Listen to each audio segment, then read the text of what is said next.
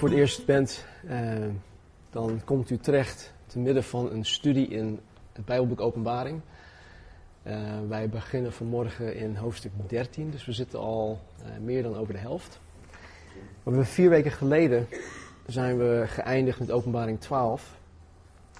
En in Openbaring 12 werden wij voorgesteld aan een zevental personages. En we hebben namelijk nu al kennis genomen van de vrouw, uh, de draak, de, uh, of het mannelijk kind. We hebben kennis gemaakt met het overblijfsel van gelovig Israël. En we hebben gekeken naar de aartsengel Michael. Die hebben allemaal in hoofdstuk 12 uh, gezien.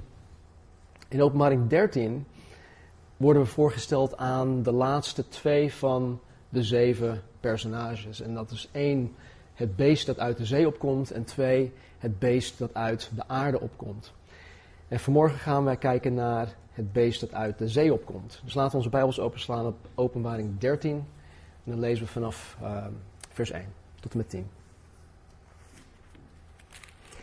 En ik zag uit de zee een beest opkomen, dat zeven koppen en tien horens had.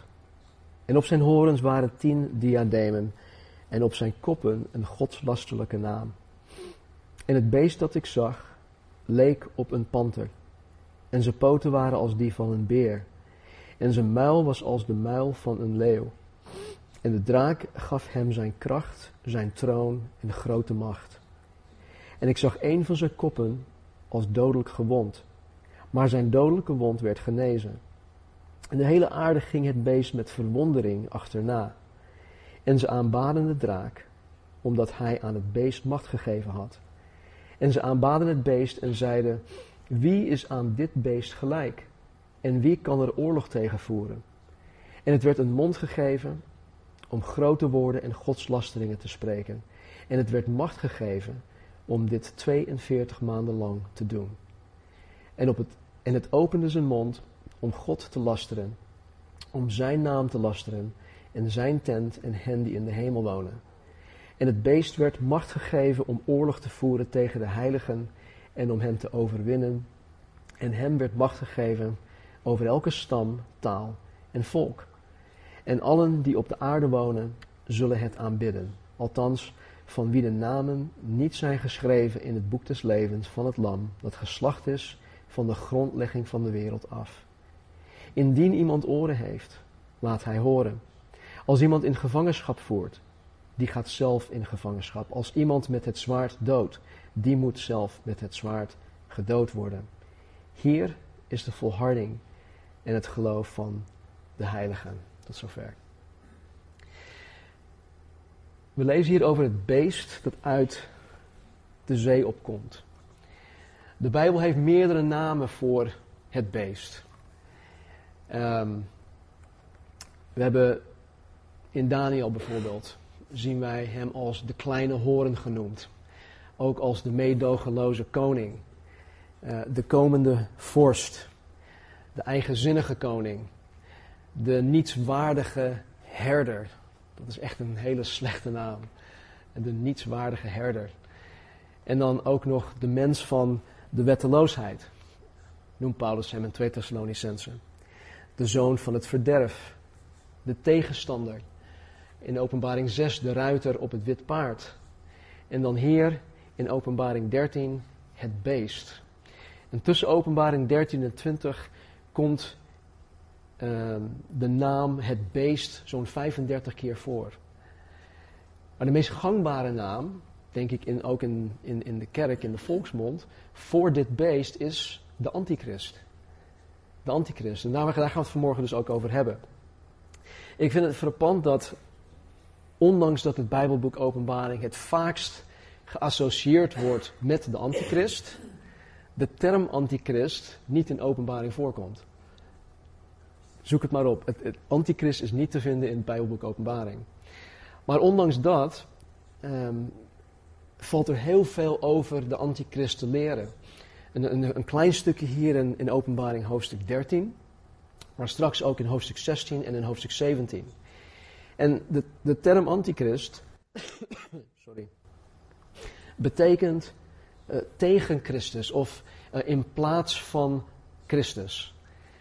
Het betekent niet dat de antichrist gelijk is aan Christus, uh, want hij is een bedrieger.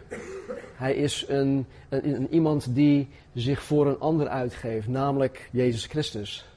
In plaats van Christus, de echte Christus. Hij is, in het Engels genoemd, is hij een imposter. En de apostel Johannes, de schrijver van openbaring, is eigenlijk de enige die de term antichrist gebruikt. Alleen niet hier in openbaring. Hij gebruikt het wel in twee van zijn brieven, in 1 Johannes en in 2 Johannes. En hier kom ik zo meteen nog op terug. Nou, voordat we met vers 1 beginnen, wil ik nog even iets noemen. Dat de verschillende Nederlandse Bijbelvertalingen um, net iets anders vertalen. In uh, het laatste hoofdstuk, uh, eh, 12, in het vorige hoofdstuk, dat het eindigt met vers 18 en dan staat er: En ik stond op het zand bij de zee. Uh, bijna alle andere Nederlandse taal, Nederlandstalige vertalingen van de Bijbel hebben staan: Hij stond op het zand bij de zee. De reden waarom ik dit aanhaal is omdat de herziene statenvertaling het vertaald heeft alsof de schrijver Johannes op het zand bij de zee stond. Maar op basis van de betrouwbaarheid van wat nieuwere handschriften heeft het merendeel van de vertalingen het vertaald alsof de draak op het zand bij de zee stond. Nou, voor velen van jullie maakt dit helemaal niks uit. Maar het is meer plausibel, want we zullen in de tekst zo meteen ook zien dat de draak, oftewel Satan zelf, achter de opkomst van de antichrist zit. Hij is ook degene die de antichrist zijn troon, zijn macht en zijn kracht geeft. Dus het is helemaal niet raar dat Satan, de draak waar we het ook over gehad hebben in hoofdstuk 12, dat hij degene is die dan uh, op het zand bij de zee staat. Goed, vers 1, hoofdstuk 13. En ik zag uit de zee een beest opkomen dat zeven koppen en tien horens had. En op zijn horens waren tien diademen. En op zijn koppen een godslasterlijke naam. En het beest dat ik zag leek op een panter. Zijn poten waren als die van een beer. Zijn muil was als de muil van een leeuw. En de draak gaf hem zijn kracht, zijn troon en grote macht. Nou, in eerste instantie lijkt dit onmogelijk om te interpreteren. En wat, wat Johannes hier nu schrijft. En gelukkig heeft God ons ook nog eens het Bijbelboek Daniel gegeven, waarin Daniel ons in, in, in groot detail uh, laat zien wie Johannes hier in Openbaring 13 te zien krijgt. Nou, teruggaande, zo'n 650 jaar voordat Johannes Openbaring schreef, kreeg Daniel de profeet een reeks dromen. Hij kreeg een reeks visioenen. En hij kreeg deze visioenen van God te zien. In één zo'n visioen kreeg Daniel inzicht tot de toen toekomstige wereldrijken um, die, er nog, er nog aan moesten komen. Met andere woorden, Daniel kreeg van God te weten wie er in de voor hem, hem komende duizend jaar nog de wereld zou gaan regeren. Sterker nog, God liet Daniel zelf zien of weten wie er tijdens de grote verdrukking zou gaan regeren. En in Daniel, uh, hoofdstuk 7, krijgt Daniel een visioen waarin hij vier grote dieren uit de zee ziet opkomen. Het eerste dier is als een leeuw, het tweede is als een beer, het derde is als een luipaard of een panter en het vierde dier was ongenoemd, maar er staat dat het verschrikwekkend is, gruwelijk en uitzonderlijk sterk met tien horens.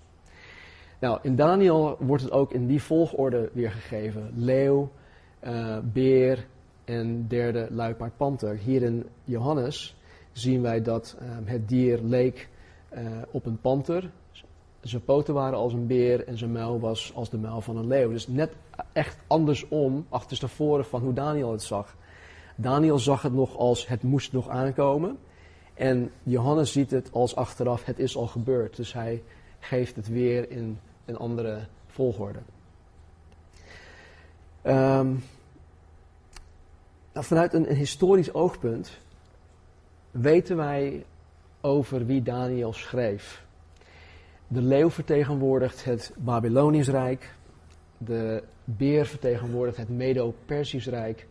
De panter of de luipaard vertegenwoordigt dan het Griekse Rijk. En het ongenoemde dier vertegenwoordigt het Romeins Rijk. Elk van deze wereldrijken verwierpen de God van de Bijbel. En niet alleen dat, elke leider van elk rijk achtte zichzelf een God te zijn. En elke leider dwong aanbidding van de mensen af. Elke leider dwong aanbidding van zichzelf bij de mensen af. De visioenen die Daniel van God kreeg, laten ons zien dat het beest, dat Johannes hier in openbaring 13 uh, eh, uit de zee ziet opkomen, een toekomstig wereldrijk vertegenwoordigt. Toekomstig voor Johannes, maar ook nog toekomstig voor ons.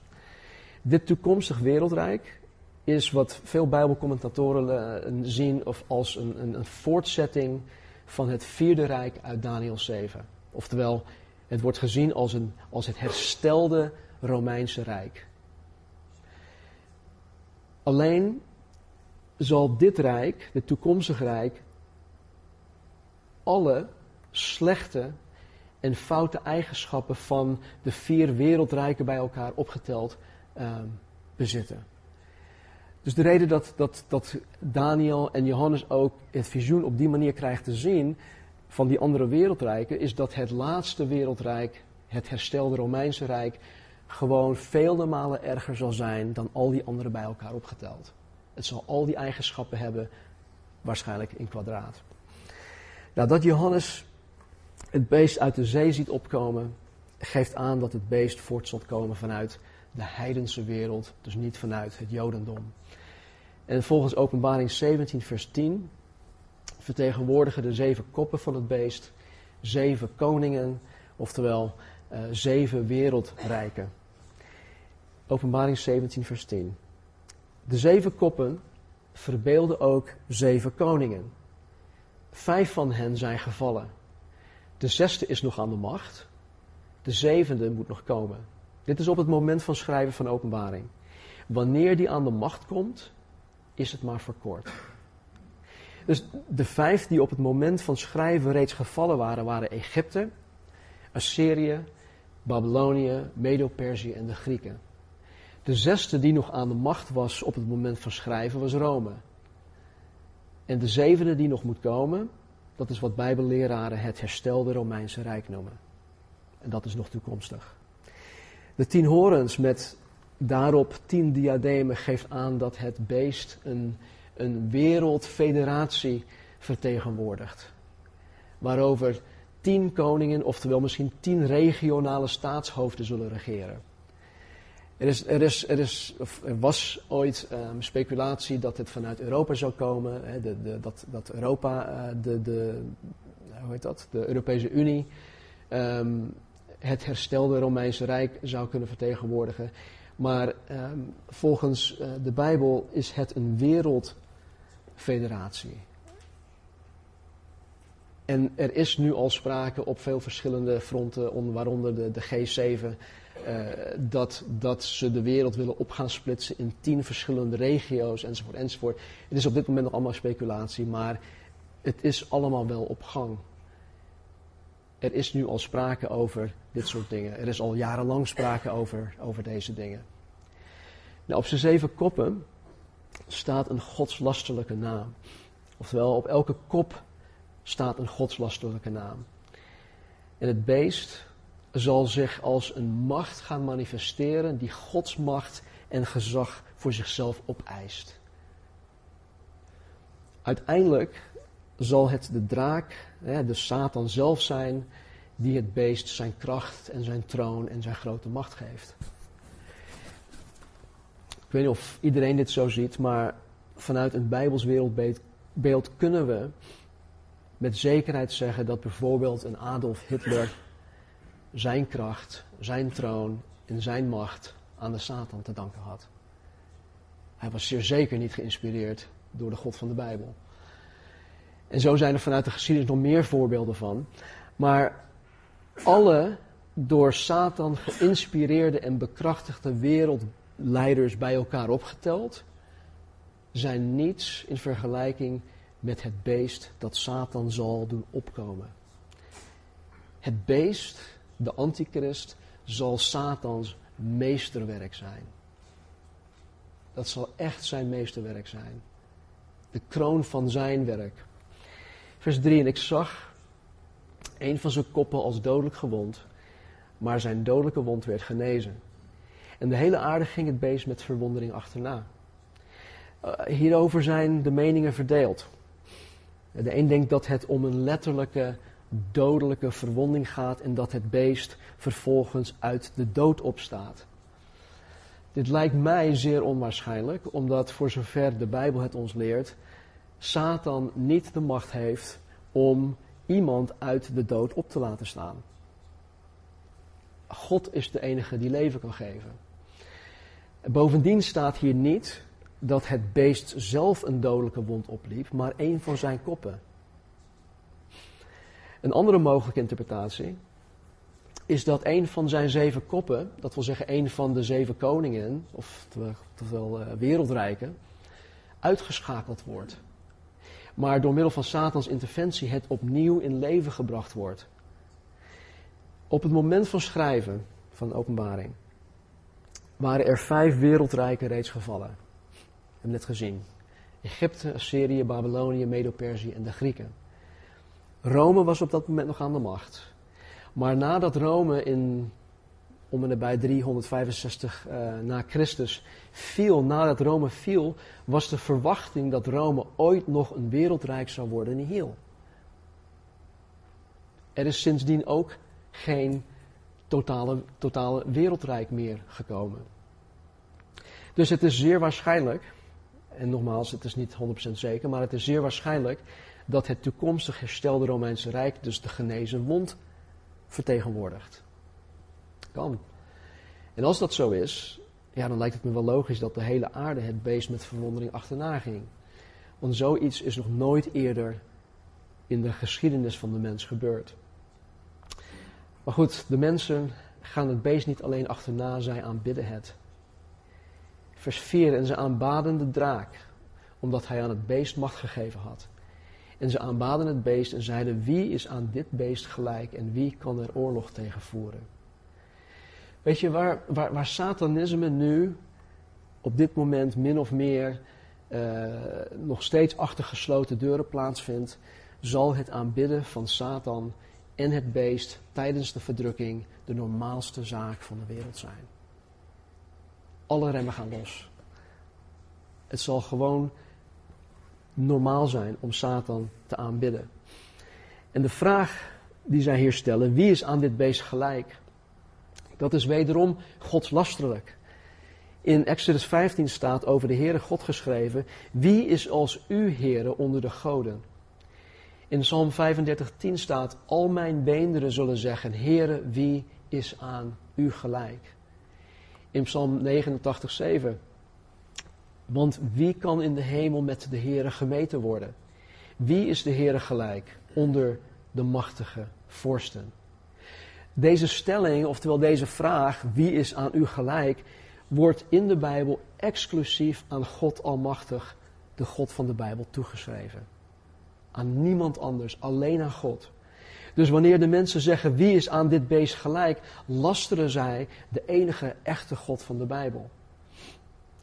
En de vraag, en wie kan er oorlog tegen voeren, dat geeft enerzijds aan hoe machtig het beest is. En anderzijds geeft het ook aan hoeveel vertrouwen de mensen van die tijd in het beest zullen gaan hebben. Ze zijn er zo van overtuigd. De antichrist en Satan hebben hun zo misleid dat ze denken dat niemand, uh, niemand het beest kan overwinnen. Wie kan er nog oorlog tegen voeren? Vers 5. En het werd een mond gegeven om grote woorden en godslastering te spreken. En het werd macht gegeven om, de twee, om dit 42 maanden lang te doen. En het opende zijn mond om God te lasteren, om zijn naam te lasteren en zijn tent en hen die in de hemel wonen. Satan zal het beest, de antichrist, een mond en een platform geven. om de enige waarachtige God van de Bijbel tot het uiterste te lasten. Satan is erop uit om de mensheid van Jezus Christus af te houden. Ik weet niet hoe jullie dat in, in jullie levens hebben ervaren. Maar ik weet nog, voordat ik tot geloof kwam, was er zo'n ontzettend groot gevecht in mij en om mijn ziel, om me heen, om mij te weerhouden om tot geloof in Jezus Christus te komen. Praat met mensen die nog niet in Jezus Christus geloven. En, en ervaar hoeveel weerstand je, je, je meemaakt. Het is niet omdat, uh, ja, uh, alleen maar omdat de mens niet wil. Er spelen heel veel dingen achter de schermen af die de mensen weerhouden om tot geloof te kunnen komen.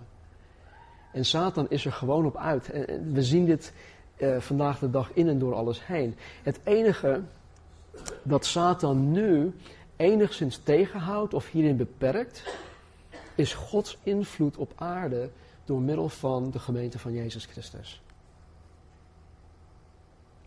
Wij zijn het zout en het licht der aarde. Jezus noemt ons dat. Jezus noemt zijn discipelen het zout en het licht van de aarde. Met andere woorden, de kerk is een bepalend factor op het wereldtoneel. Paulus zegt in 2 Thessalonicense 2 dat de aanwezigheid van de Heilige Geest in de kerk de antichrist weerhoudt of tegenhoudt. Tijdens de verdrukking, wanneer het zout en licht van de aarde, de kerk, niet meer op aarde aanwezig is, zal Satan volledig vrij zijn in het lasteren van God en in het verleiden van de mensen. Of in het verleiden en het misleiden van de mens. Dan zal hij zijn volledige vrijheid krijgen. Het beest zal dusdanig veel macht en invloed op aarde hebben dat er niemand zal zijn die tegen deze godslastering um, in zal kunnen gaan. Niemand kan tegen hem op. En degenen die tijdens de verdrukking tot geloof komen, die wel tegen het beest ingaan, zullen meedogenloos uitgeschakeld worden. Dat is het lot van degenen die tijdens de verdrukking tot geloof gaan komen. Dus als je denkt dat het nu moeilijk is om christen te zijn, dan vergis je je. Want later, tijdens de verdrukking, zal het nog veel, veel moeilijker zijn om christen te zijn. De apostel Paulus schrijft in 2 Thessalonicense 2 dat de antichrist zich zal verheffen boven al wat God genoemd of als God vereerd wordt zodat hij als God in de tempel van God gaat zitten en zichzelf als God voordoet. De antichrist zal optreden als de enige die de vrede in het Midden-Oosten kan bewerkstelligen. Denk even na over de problematiek in het Midden-Oosten.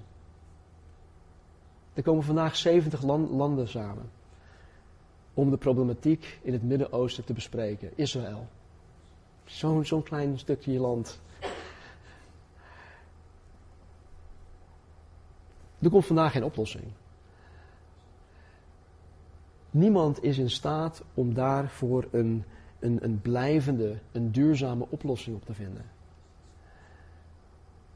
Maar de antichrist zal, zal zich dusdanig manifesteren en hij zal het voor elkaar krijgen dat het Midden-Oosten conflict opgelost gaat worden.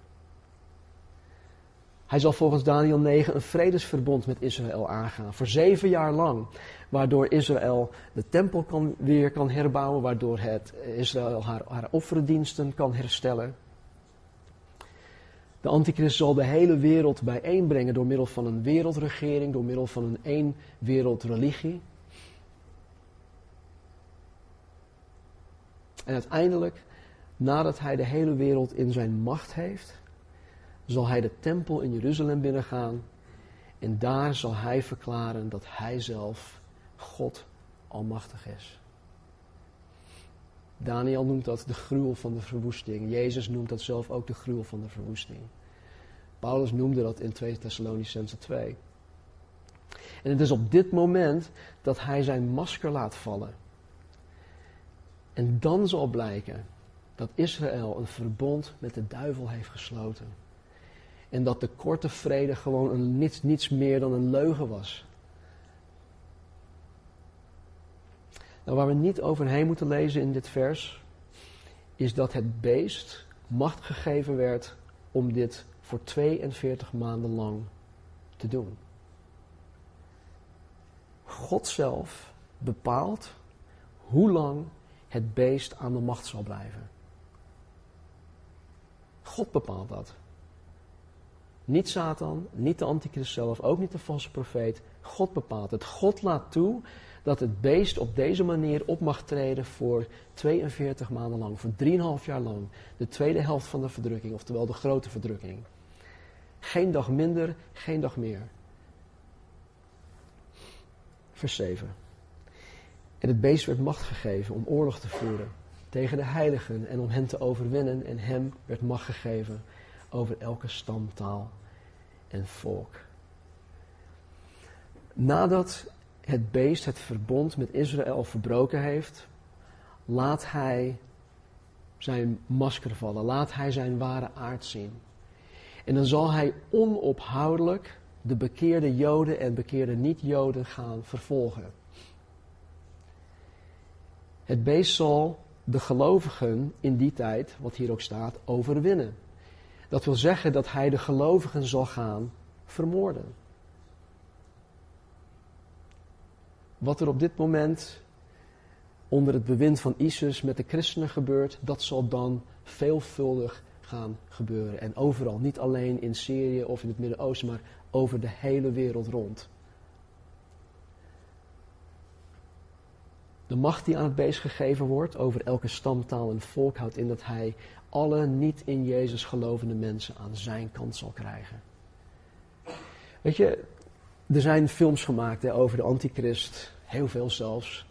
En er zijn ook uh, afbeeldingen van de antichrist, er zijn uh, dat soort dingetjes. En in, in bijna elke, in elk geval wordt de antichrist um, afgebeeld of als, als een, een, een duivels iemand. Als, als een, een, een kwaad iemand. Maar het, het, het, het, het tegendeel is waar.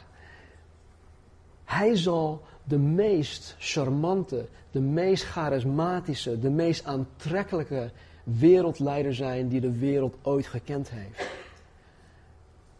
Zijn aantrekkingskracht zal zoveel groter zijn dan, dan wie je op dit moment ooit zou kunnen bedenken.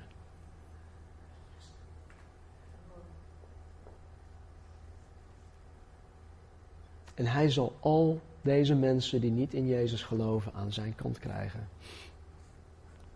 Vers 8. En allen op die, op, die op de aarde wonen, zullen het aanbidden. Althans, van wie de namen niet zijn geschreven in het boek des levens, van het lam dat geslacht is, van de grondlegging van de wereld af. Hier heb je alweer die technische term, dat komt meerdere malen voor in openbaring. Allen die op de aarde wonen. Dit zijn mensen die verloren zijn. Dit zijn mensen van wie de namen niet geschreven staan in het boek des levens. En hier zegt Johannes dat het lam dat geslacht is, geslacht is van de grondlegging van de wereld af. Ik weet niet of we er ooit bij stil hebben gestaan. Maar nog voordat God de aarde schiep, stond het reeds vast dat Jezus Christus voor jou en voor mij gekruisigd zou gaan worden.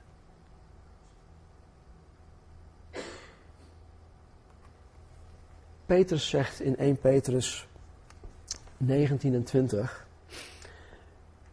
U bent verlost door het kostbaar bloed van Christus.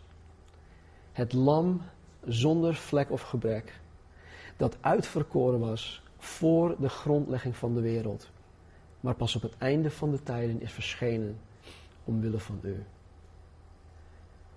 Nou, ik ga hier nu niet verder op in, maar sta hierbij stil. sta alsjeblieft stil bij het feit dat de kruisiging van Jezus al vaststond voor de grondlegging van de wereld. Laat deze waarheid heel goed tot je doordringen. En, en vraag jezelf af wat voor consequenties dit heeft op jouw denken. Vraag jezelf af wat voor consequenties dit heeft op jouw beeld van wie God is. Of op jouw eigen beeld, je beeld van wie jij bent in het licht van wie God is. Vraag jezelf af wat voor consequenties het heeft op de wereld en, en Gods heilsplan en, en de redding en, en al de dingen die wij als christenen kennen en weten. Vers 9, indien iemand oren heeft, laat hij horen. Hier hebben we wederom de bekende, liefdevolle uitnodiging om datgene dat gezegd werd goed tot ons door te laten dringen.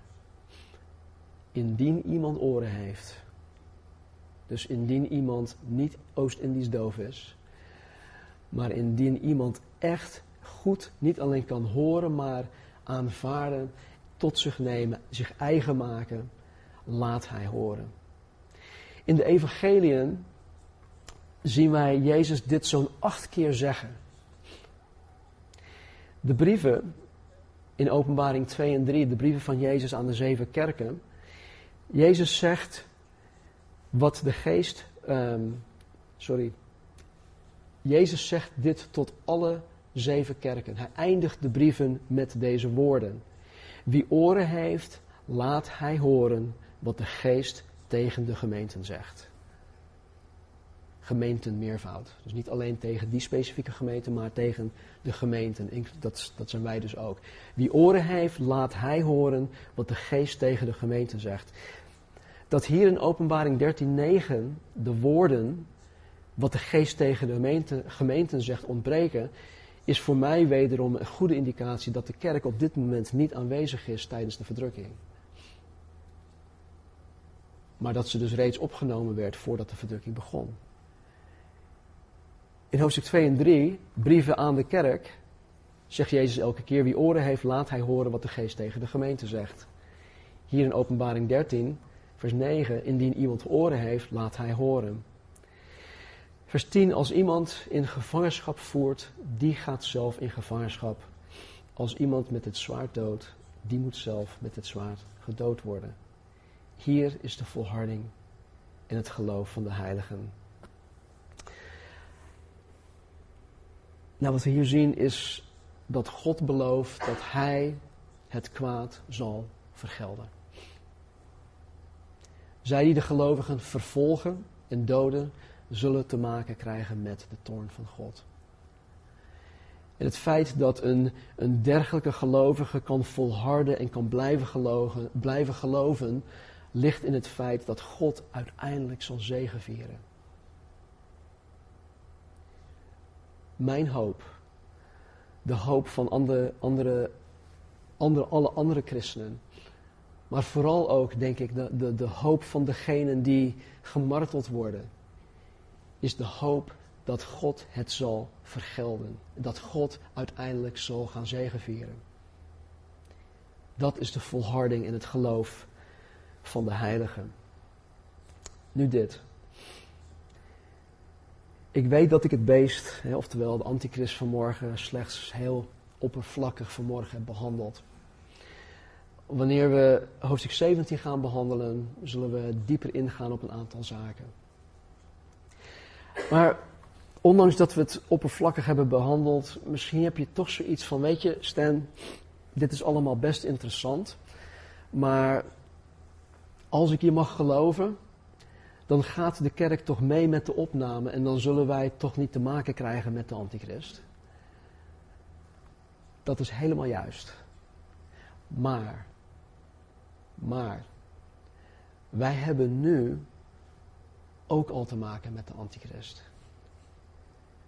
Dus het is goed om te weten wie hij is, hoe hij te werk gaat en wat zijn doel is met de wereld. In 1 Johannes 2, vers 18. schrijft Johannes dit. Kinderen, het is het laatste uur. En zoals u gehoord hebt dat de antichrist eraan komt, zijn er ook nu al veel antichristen gekomen. Waaruit we weten dat het het laatste uur is. Weet je, eschatologie, de leer van de eindtijd, is niet iets van de laatste tijd. De eerste kerk had hier al over geleerd. Paulus leerde de Thessalonicensen al over de opname van de gemeente, over de wederkomst van Christus. Eschatologie is terug te vinden in heel het Oude Testament. En hier geeft Johannes dus al aan dat ehm, zij hebben gehoord dat de antichrist eraan komt, maar er zijn nu ook al veel antichristen gekomen. Even verderop, 1 Johannes 2, vers 22 en 23. Wie is de leugenaar anders dan hij die logent dat Jezus de Christus is? Dat is de antichrist, die de Vader en de Zoon logent. Ieder die de Zoon logent, heeft ook de Vader niet. En dan even verderop in 1 Johannes hoofdstuk 4, vers 3. Elke geest die niet beleidt dat Jezus Christus in het vlees gekomen is, is niet uit God, maar dat is de geest van de antichrist, waarvan u gehoord hebt dat hij komt en die nu al in de wereld is. Alhoewel de antichrist, de persoon, de toekomstige wereldleider, op dit moment niet op het wereldtoneel optreedt, is de geest van antichrist al ruim 2000 jaar lang op aarde bezig. Al veel langer dan dat, maar even voor ons beeldvorming voor de kerk. En waar zijn werk op aarde neerkomt, is dit. Waar de goddelijkheid van Jezus niet erkend wordt, dat Jezus God is, of waar niet erkend wordt dat God gekomen is in het vlees, de incarnatie, dan is er sprake van het werk van Antichrist. Er zijn een aantal, heel veel argumenten die, die, die wij als wederomgeboren christenen krijgen van nog niet gelovige mensen. Maar veelal, als je al die argumenten gaat categoriseren, dan vallen ze in een van één of, of meerdere, één of twee van deze categorieën. Dat ze niet geloven dat Jezus Christus God is. Of dat ze niet geloven dat God Almachtig in het vlees gekomen is. Dat Hij een mens geworden is.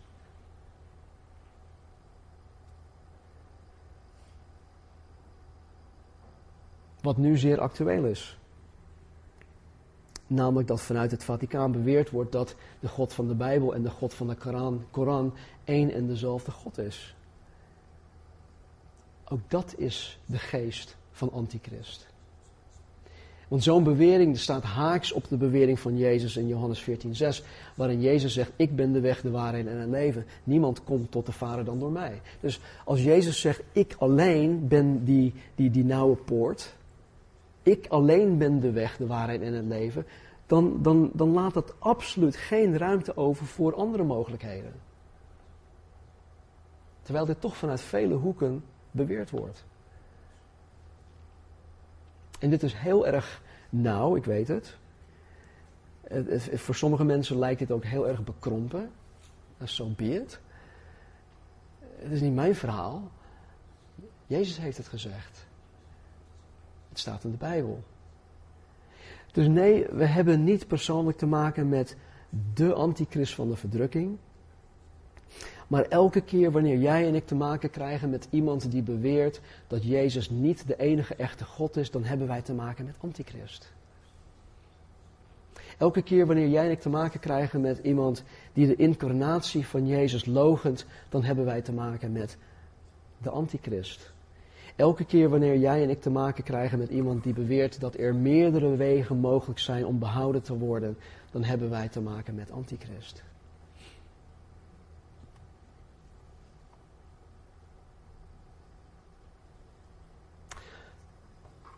Tot slot dit.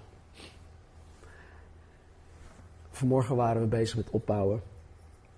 En uh, Een paar van de jongens zeiden van, oh, dus vandaag gaan we het hebben over de antichrist. Je gaat ons vandaag vertellen wie het is. Nee.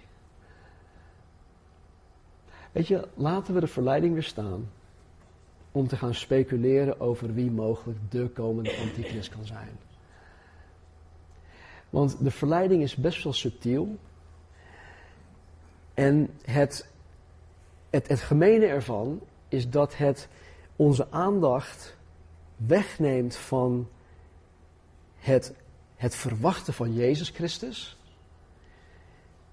En het plaatsen van onze aandacht op wie is de antichrist. De komst van de antichrist. Weet je, het zal mij een worst wezen wie de antichrist is. Ik wil Jezus Christus verwachten.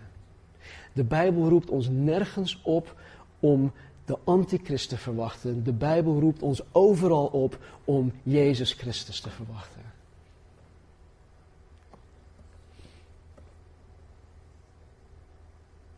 Dus laten we onze ogen gefixeerd houden op Jezus Christus, de leidsman en voleinder van ons geloof. Laten we bidden. Hemelse Vader, dank u wel dat u zo geweldig goed bent voor ons. Dank u wel voor uw woord. Dank u wel voor openbaring 13. Dank u wel voor Daniel 7, 8, 9, 11, 12, heren. Dank u wel. En dat u uw woord zo nauwkeurig voor ons hebt achtergelaten, vastgelegd en achtergelaten hebt. Dank u wel voor uw Heilige Geest die ons tot de volledige waarheid wil leiden. Dank u wel voor de zalving van uw geest. Die ons leert. Die ons verlicht. Om de waarheid te kunnen weten. En te snappen, te begrijpen. En te gehoorzamen.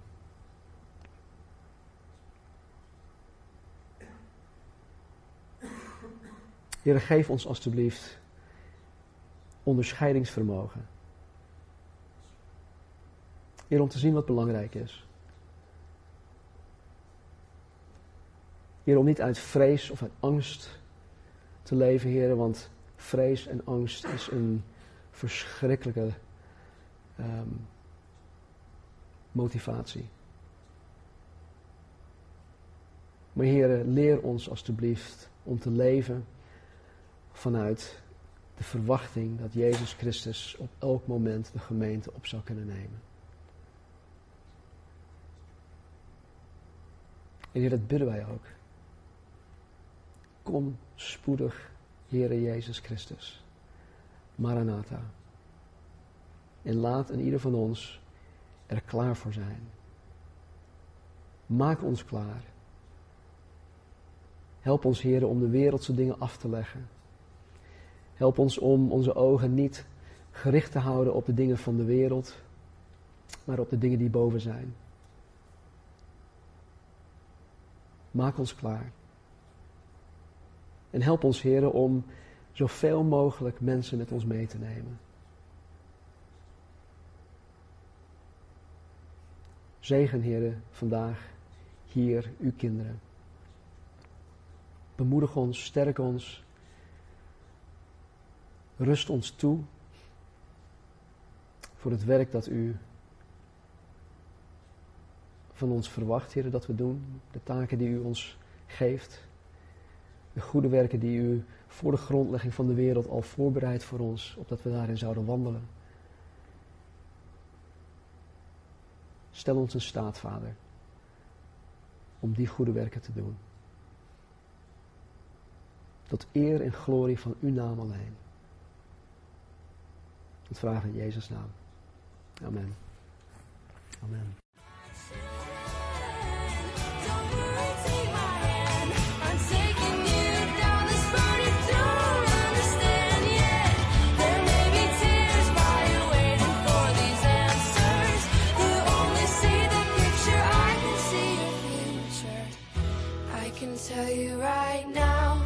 Gonna be alright.